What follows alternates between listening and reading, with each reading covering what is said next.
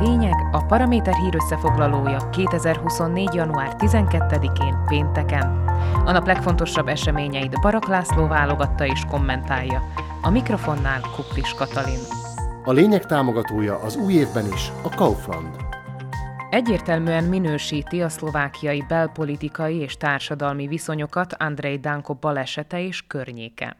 A közvélemény egy része egyáltalán nem tartja normálisnak, hogy egy közút melléki oszlop letarolása után valaki, történetesen a parlament alelnöke, meglógjon a helyszínről. Danko és általában a Fico kormány követőitől meg annyi telik, hogy röhigcsélő hangulatjelekkel kommentelik a történteket, miközben Daniel Lipschitz speciális ügyészre kígyót békát okádnak múltbeli halált okozó balesete miatt. A tényekről annyit, hogy Andrei Danko péntekre virradó éjszaka balesetet okozott. Nem halálosat egyébként, mert csak egy szemaforoszlopát tarolta le, ám eztán, mintha mi sem történt volna, cserben hagyta a művét.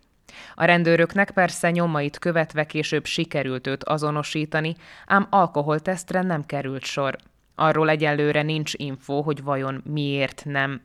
A Peter Pellegrini által belügyminiszternek delegált Matus Sutai Estok erre plépofával annyit üzen a köznek, hogy nincsen semmi látnivaló, mert Danko úgymond nem veszélyeztette senki testi épségét, sőt, anyagi kár sem keletkezett.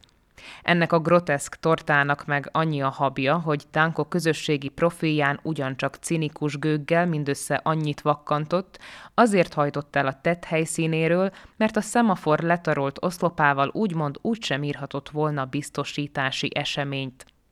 Tanulságként pedig megüzente, mindenkinek saját döntése, hogy milyen véleményt formál a történtekről. Hát kérem szépen, hogy ne lenne véleményünk, amint természetesen azzal is tisztában vagyunk, hogy miként és miért hangoztatnak az emberek tömegei ebben az afférban is egymással homlokagyenest különböző véleményeket.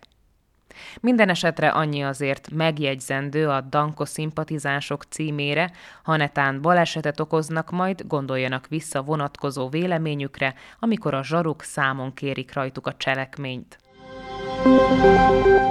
Robert Fico kormányfő, aki párfőnyi parlamenti többségével azon ügyködik, hogy a százezres nagyságrendül tolvajlások, csalások és korrupciós afférok elkövetői a jövőben legfeljebb a jelenleg tyúktolvajokra kiszabható büntetési tételekkel legyenek kénytelenek szembenézni, mindössze annyit jegyzett meg Danko balesete kapcsán, hogy átlagos emberi történetről van szó, amely bárkivel megeshet. Elvileg persze nem lenne ok vitába szállni ezzel a kijelentéssel, ha a loser Danko nem lenne Robert Fico egyik sutyó kuktája. Csak hogy bizony az.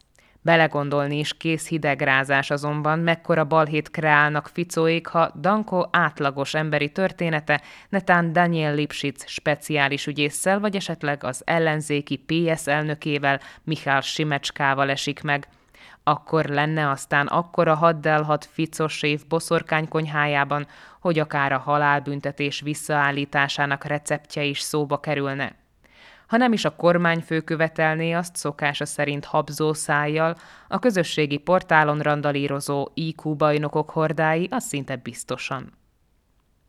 A Fico és Pellegrini koalíció ellenzéke közben csak arról beszél, hogy Dankónak férfiasan be kellene vallania, részeg volt-e a baleset idején, avagy sem. És a helyszínről való távozása miatt ugye illene vállalnia a felelősséget, amit úgy tehet meg, hogy lemond házelnöki posztjáról. Ha pedig nem teszi meg, rendkívüli parlamenti ülésen lesz majd elszámoltatva.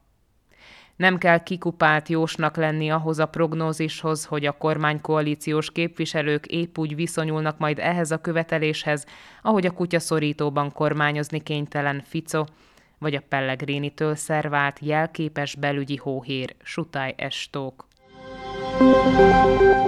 Szlovákiában persze nincsen halálbüntetés, nyilván ezért kérhetett az ügyeletes ügyész életfogytiglani Kótert a csalóközi illetőségű horvát lehelre akinek vádiratban hét vádpont szerepel, a Dunaszerdahelyi maffia támogatása, Sátor Lajos meggyilkolása, Reis Andor holtestének ledarálása, Karika Csaba likvidálása, D. János és El Gellért holtestének elásása, valamint egy másfél millió eurós lopás.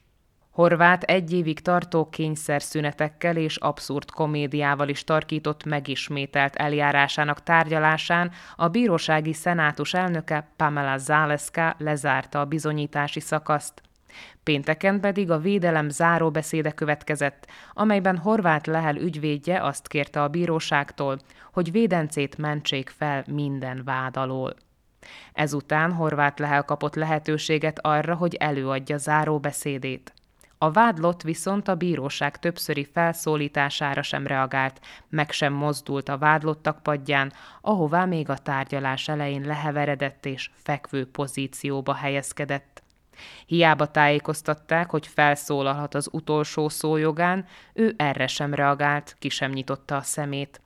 A tárgyalást ezt követően berekeztették, és Záleszká jelezte, az ítélethirdetésre február 23-án kerül sor. Lám így is lehet. Így is viszonyulhat az ember a tetteihez, azok következményeivel együtt. Mindent megtesz, hogy megúszza a felelősségre vonást. Ügyeskedni a végsőkig, holott tudnia kell, hogy magára hagyták, hiszen tulajdonképpen senkinek nincs rá szüksége már a családján kívül. Annál is kevésbé, mert nem egy mázdista politikus ő, mint Andrei Danko, ezért hát lefekszik és csendben várja a sorsát. Barak László szerint ez volt a lényeg január 12-én pénteken, hírösszefoglalónkat minden hétköznap este meghallgathatják ugyanitt. Podcastjainkat pedig keressék a Paraméteren, illetve a Spotify, az Apple Podcasts, a Google Podcasts vagy a Podbean platformjain.